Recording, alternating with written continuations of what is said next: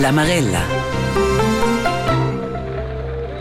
Qua il settembre 1848. In la Val del Rhein venne spettata una buona raccolta di vino.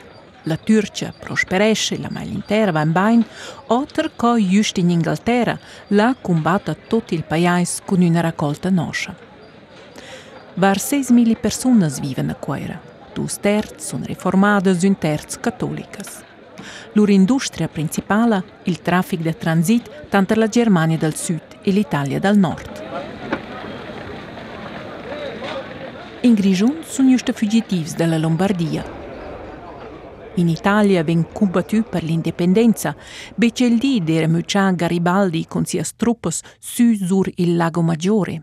E da qua ci gira in Sicilia, as vegna savare in Grigion, delle visite dels ufficiali in patria, ci quinta giusta ci non ha dat morts oblessats pro els mercenaris grigiuns ci proveven da defender la città da Messina.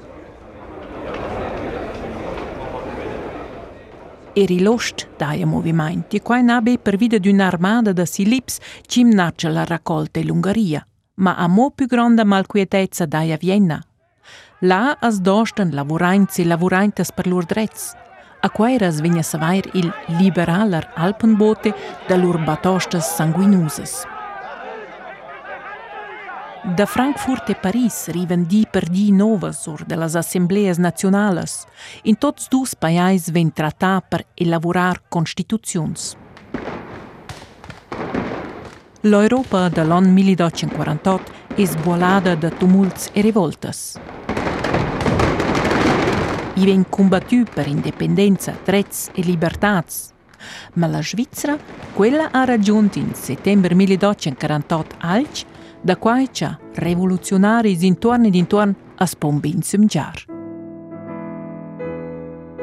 Als 12 de settembre 1848 entra in vigor la Costituzione federale e con quai es nasciu il cor dell'Europa il prim stadi modern, la Confederazione Svizzera.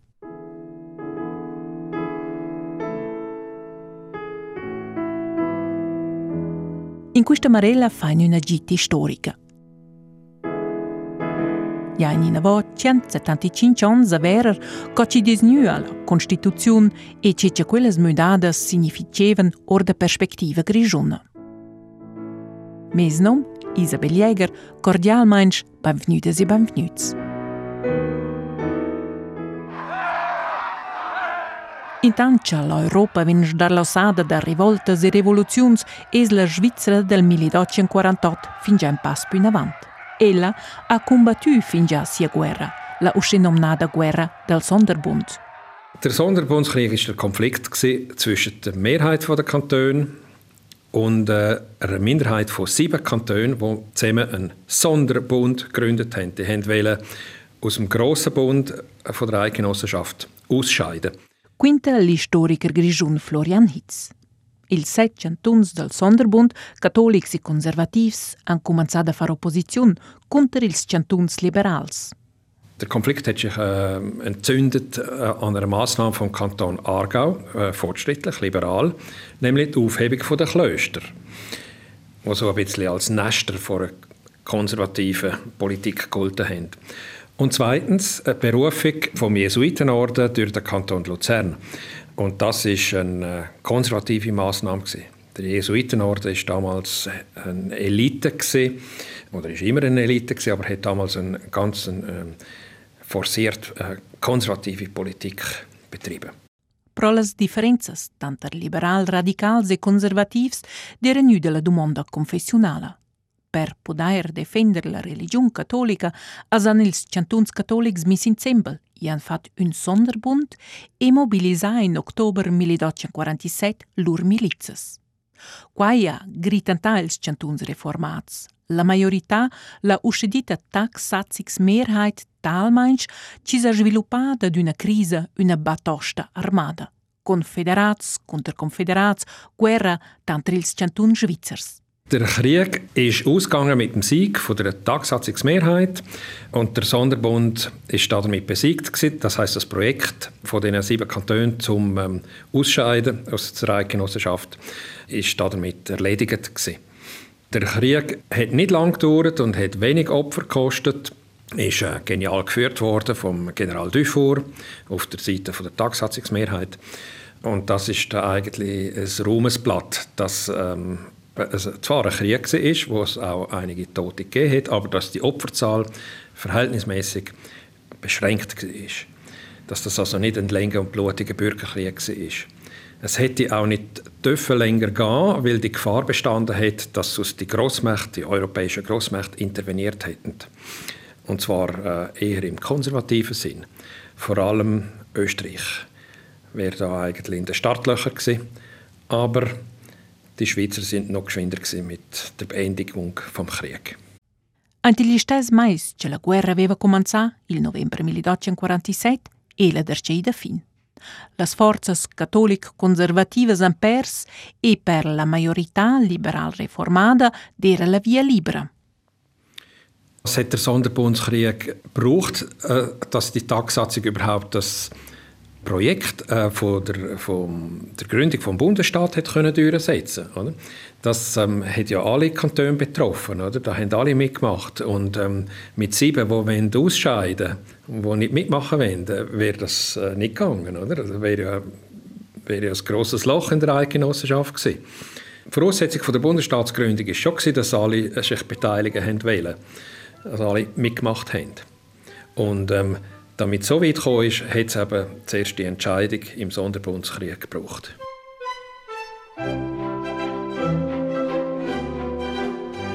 Preambel. In nome di Dio il Tutpossante. Artikel 1. Confederazione Svizzera. Artikel 2. Intent. Artikel 3. Chantuns. Artikel 4. Linguas nacionales. Artikel 1a. Subsidiaritat. Artikel 7. Dignitat umana. Artikel 9. Artikel 13. Artikel 15. Artikel 16. Libertat d'opinione e di Artikel 17. Libertat dels medios.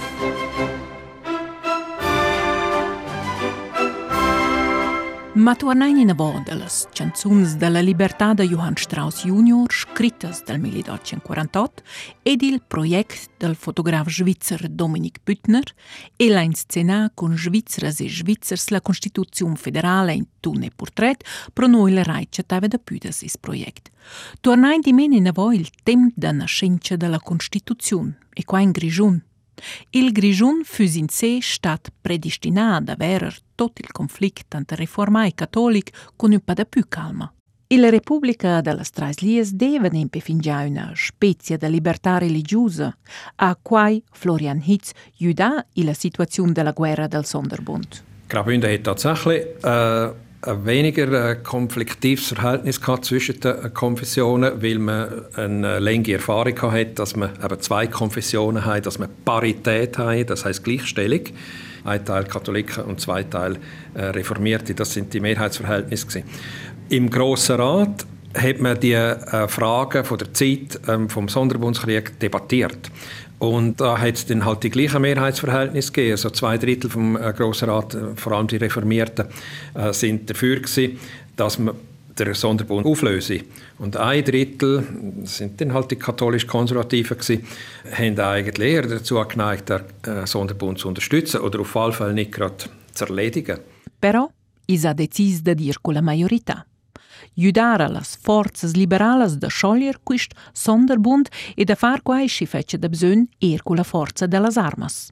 Tatsächlich haben die Bündner Truppen dann am Sonderbundskrieg teilgenommen, aber nur auf einem Nebenschauplatz im Tessin. Sie sind zuerst über San Bernardino und dann via Bellinzona in die Leventina und sind dort auf die Urner und Walitzer Truppen gestoßen, die zum Sonderbund gehört haben.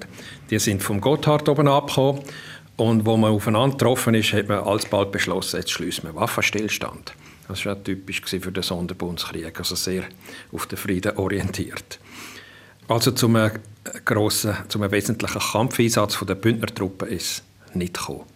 Totuna, in Grigion deva da quel tem divers combattants con esperienza dels chums da battaglia europeics, er da quais in Surselva ed er da quais ci füsen piuttost stats per suschnai lur vagins catholics. In der Surselva hat man enge ähm, Kontakt gehabt zur Innerschweiz. Die sind ja äh, traditionell äh, gewesen, also nicht erst entstanden oder über den Oberalpass. Dort ist man schon dazu aufgelegt, äh, um ähm, intervenieren in den Krieg und, und teilnehmen. Und zwar eben auf Seite vom Sonderbund. La fin dels quins ha dominat il els grigiuns la Leventina, e la guerra del Sonderbund è stata fin avanti desnua da quella da desmordriar e copar. Far pas de runa, manier da per una lur in avant, quinta l'historiker Florian Hitz, quai era mein simpel. Man muss schon sehen, die Integration ähm, von, von der katholisch-konservativen Richtung in den Bundesstaat, das ist eine, eine Frage von Generationen. Oder? Bekanntlich hat man ja 1891 den Bundesviertag eingeführt. Das ist ja 1291 Guri Schweiz Unterwalden.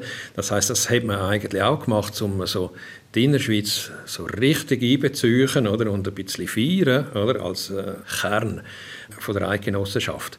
E da d'una forma magica, co ce la definisce oggi il Cussal federal, nu discorriva quella iada a Moningiun. In der ersten Phase ist ja der ganze Bundesrat ähm, hat nur aus, aus äh, sieben Liberalen äh, bestanden, also der ganze Bundesrat FDP. Oder? Und die katholisch-konservativen sind noch nie gesehen. Oder? Das hat also letztlich Jahrzehnte gebraucht, bis man eben die ähm, katholisch-konservativen integriert hat in die eidgenössische Politik. Und nachher ist es noch mal länger gegangen, bis man die Sozialisten, die Sozialdemokraten auch in dem Sinn integriert hat. E dallas donnas neanche da discorrer, Concentamainch ha evoluiu 123 ans, finché las han insomma poduas participar vi della vita politica svizzera. Quai, in tot l'istoria de success, n'ha proprio un capitel glorius. Ma, tornaina moneiad in Grigiun, la paren d'aver fat in seguit in postut ils omens conservativs, buona farina.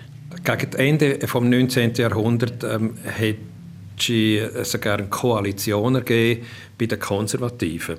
Also reformierte Konservative sind in der Bündner Politik zusammengegangen mit den katholisch-Konservativen. Ähm, also eine schöne Sache, oder? Eine Versöhnung zwischen den Konfessionen unter dem Vorzeichen vom Konservativismus.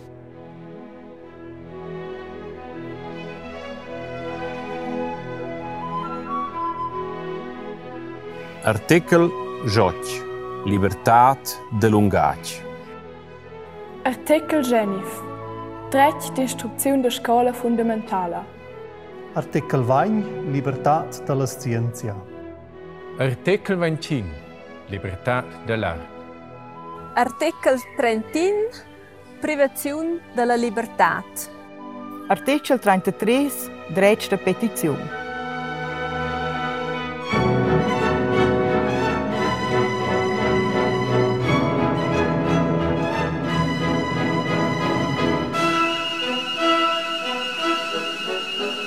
Ci desnua la Constituziun federala ad un stadi federativ, quai der un böt cha forzas liberales svizras propagevan fin già da spions, lönch avant il 1848, e quai con un veritabel club de fans. Die Helvetische Gesellschaft, 1761. Salis Marschlins als Mitgründer. Schon da haben die progressiven, also sagen wir die, die fortschrittlichen, die Liberalen, in den verschiedenen äh, Schweizer äh, Kantonen, äh, den Schweizer Teilstaaten, die Idee gehabt, man käme vorwärts mit dem liberalen Projekt, indem man eben über die Kantonsgrenze weg zusammenspannt oder? und eine nationale Einheit anstrebt. Nationale Einheit, das bedeutet auch Fortschritt im liberalen Sinn. E per quai es nu lavora er in Grigiun cun de las totas. Ieva per far drogliare il Schweizer o la Schweizera illes Grigiunas e Grigiuns. Das haben damals noch nicht alle äh, Bündner und Bündnerinnen überhaupt gewusst. Das heißt, man es nicht, ist einem nicht bewusst gewesen, oder? dass man eben zur Schweiz gehöre, oder? Und dass die eigene Geschichte und äh, Identität nach dem grossen Modell eben von der Schweizer Geschichte und von der Schweizer Identität funktionieren soll. Das hat eine Bewusstseinsbildung gebraucht. Das heißt, das Bewusstsein ist äh, gestiftet worden. Da schaffir un bun clima ideologic e promover un imain svizzer è stat da bun serv. Nier svizzeres e svizzers non eran epi gratuit, anzi, ils centuns vevan da dario da lur drets. Ils grigiuns han stü renunziar ad un dret traditional fundamental, lur sacrifici. Das äh, sind vor allem die Gerichtsgemeinden und die Souveränität der Gerichtsgemeinden. Kantonsverfassung von 1854 hat in Graubünden die Mehrheit der Gerichtsgemeinden in der Referendumsabstimmung entschieden. Also nicht die Mehrheit der Stimmbürger. Das ist das ähm, altbündnerische Referendum, das ein Gerichtsgemeindenreferendum war. Und ähm, das hat den demokratischen Standards von 1848 vom Bundesstaat nicht genügt. Und ähm, da ist also Graubünden von, vom Bund aufgefordert worden, die Anpassung äh, vorzunehmen und es, eine echte Volkssouveränität mit einem echten Volksmeer einzuführen. Die mena, il grigion 1848 diremo quel che c'el deren organizzat de las trais lias. Nempe organizzà in dretures per sur Silvan Cumins. In se in fermas unitats politicas regionalas. Florian Hitz disch per tudaisc Gerichtsgemeinden. Quelles vevan una sovranità quasi totala. Ossa a samudà quai. Guardaim per esempio l'enge di nota. Quella era un'unità politica, un comune. Per via della Costituzione federale a sala sturi organizzar. Ed ad un'unità politica aia ossa dat undes unitats singulas, nempe undes communs cis chatevan nov ant un circul, quel veva lura bemo un'incumbenza juridica. Ed a partir da dossa dera il pövel il suveran. Be question stu decider quistas mudadas, quai deren las diretturas, ils comins, ed ellas veven la fin dels quins da decider da das aboliers vessa. Man hat in, in den frühen 1850er Jahren ja, der Kanton anders eingeteilt. Die drei Bünde, die es offiziell noch gegeben hat, bis dahin sind aufgelöst worden. Die Gerichtsgemeinden, die es ähm, eben noch gegeben hat, sind aufgelöst worden und ersetzt worden durch die politischen Gemeinden und durch die Kreise. Un terra tremble Politik. Ja, das darf man nicht unterschätzen. Für Graubünden ist ähm, Mitte 19. Jahrhundert, also im Gefolge von der Einführung der Bundesverfassung, ist wirklich ein tiefer Einschnitt. Das ist eine grosse Umstellung.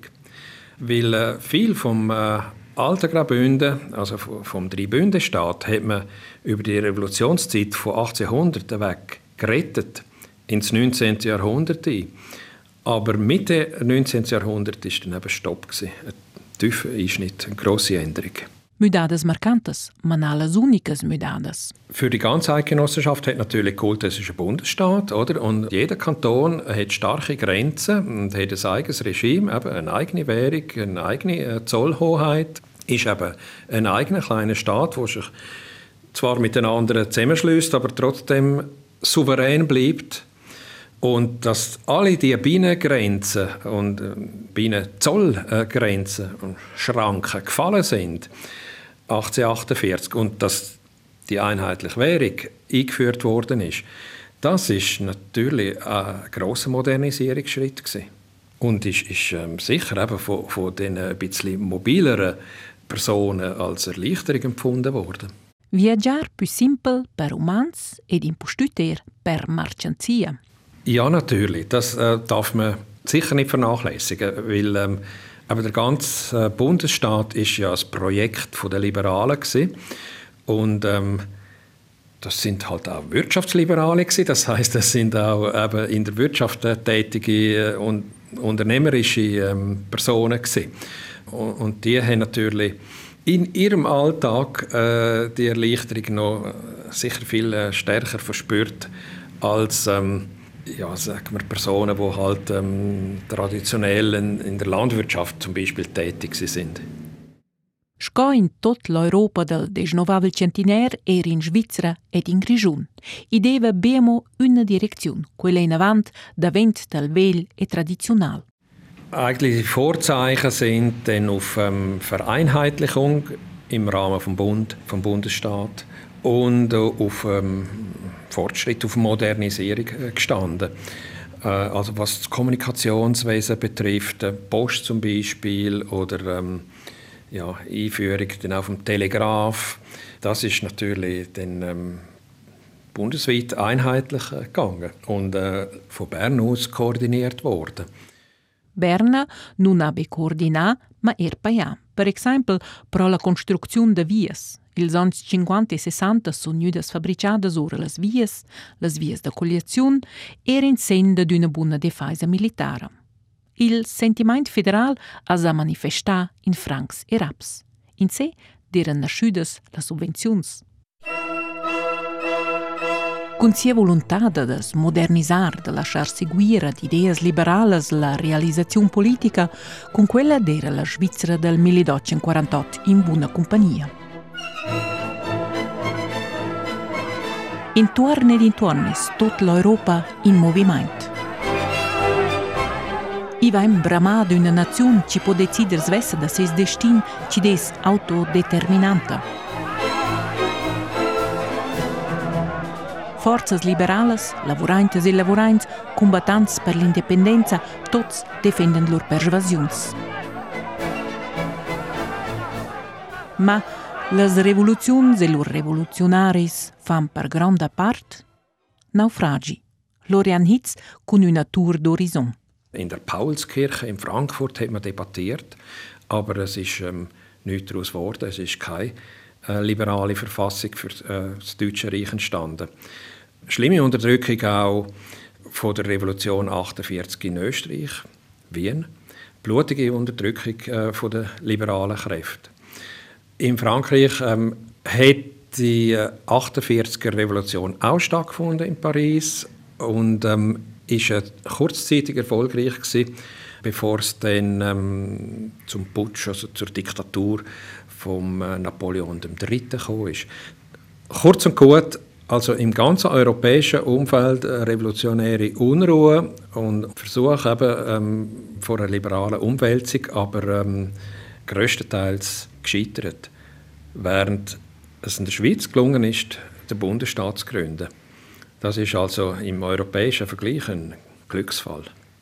Pro il sguardo sul livello europeo da una impostutinöl. L'an 1848 sca punct de cristallizzaziun. In bod mince regiun europeica es il 1848 un on central in l'istorgia del 19. centenaire. Perché questa simultanità? Ja, das ist eine sehr interessante äh, Frage. Das hat etwas zu tun mit, mit der äh, europaweiten Kommunikationsgemeinschaft. Oder? Man hat halt ähm, in der Zeitung gelesen, was in den anderen Ländern passiert ist. Das hat einem interessiert, man hat sich beeinflussen lassen.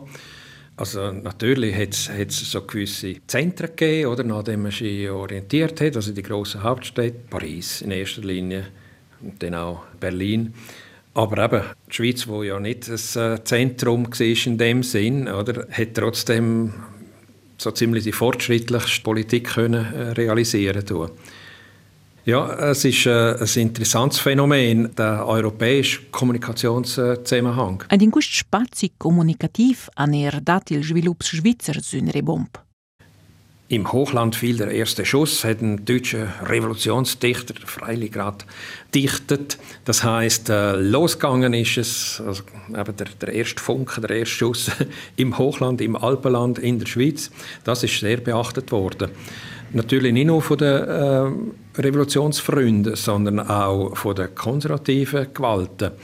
Wenn der Sonderbundskrieg länger gegangen wäre, dann ähm, hätte die Gefahr bestanden, dass ähm, die konservativen Großmächte, also sprich Österreich, interveniert hätten.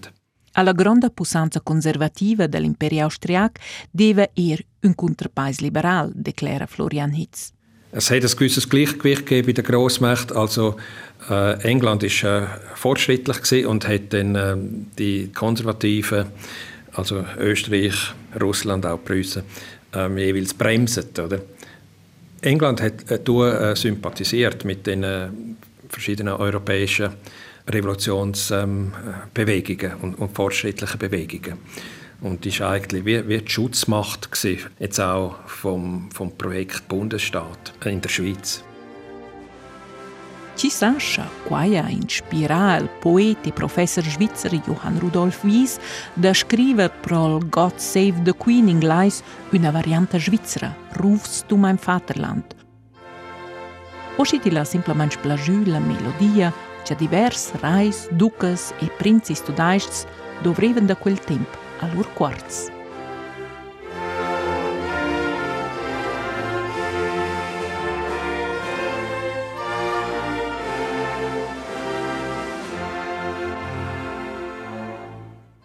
Na, ella non era proprio una tipica svizzera. La canzone Rufst du mein Vaterland o Clomas o Patria. Quai era nu criticà fin già il centiner. E gli stessi, sala, naturalizzata sco imna nazionale, e dia dura fin il 1981, fin c'al psalm svizzer è nu definitiv l'imna svizzera.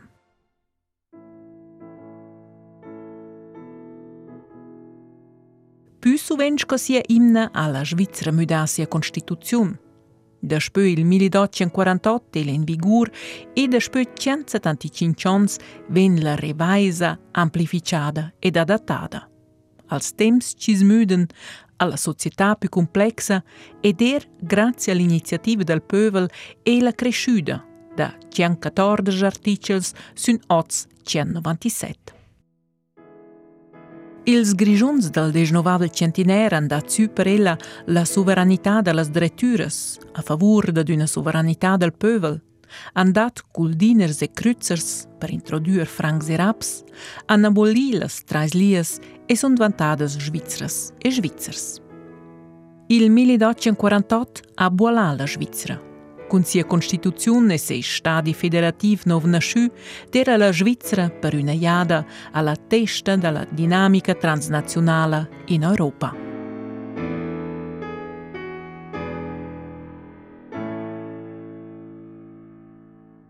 «1848 la Svizzera all'avanguardia dell'Europa». Quasi il nome di questa marella ci poteva tagliare moneiada pro noi la Reit. Un cordial grazie a Dominic Büttner e da ses aliar romansch Konradin Kleis, che non vain das Tschüsurtor vus del projekt constitutio.ch. Produzent es Guaden Stazi, mes nom Isabel Jäger, e chavo va custa far vive mardi ci vain sulla Constituzion. Si bedai, quai fus più comerita. La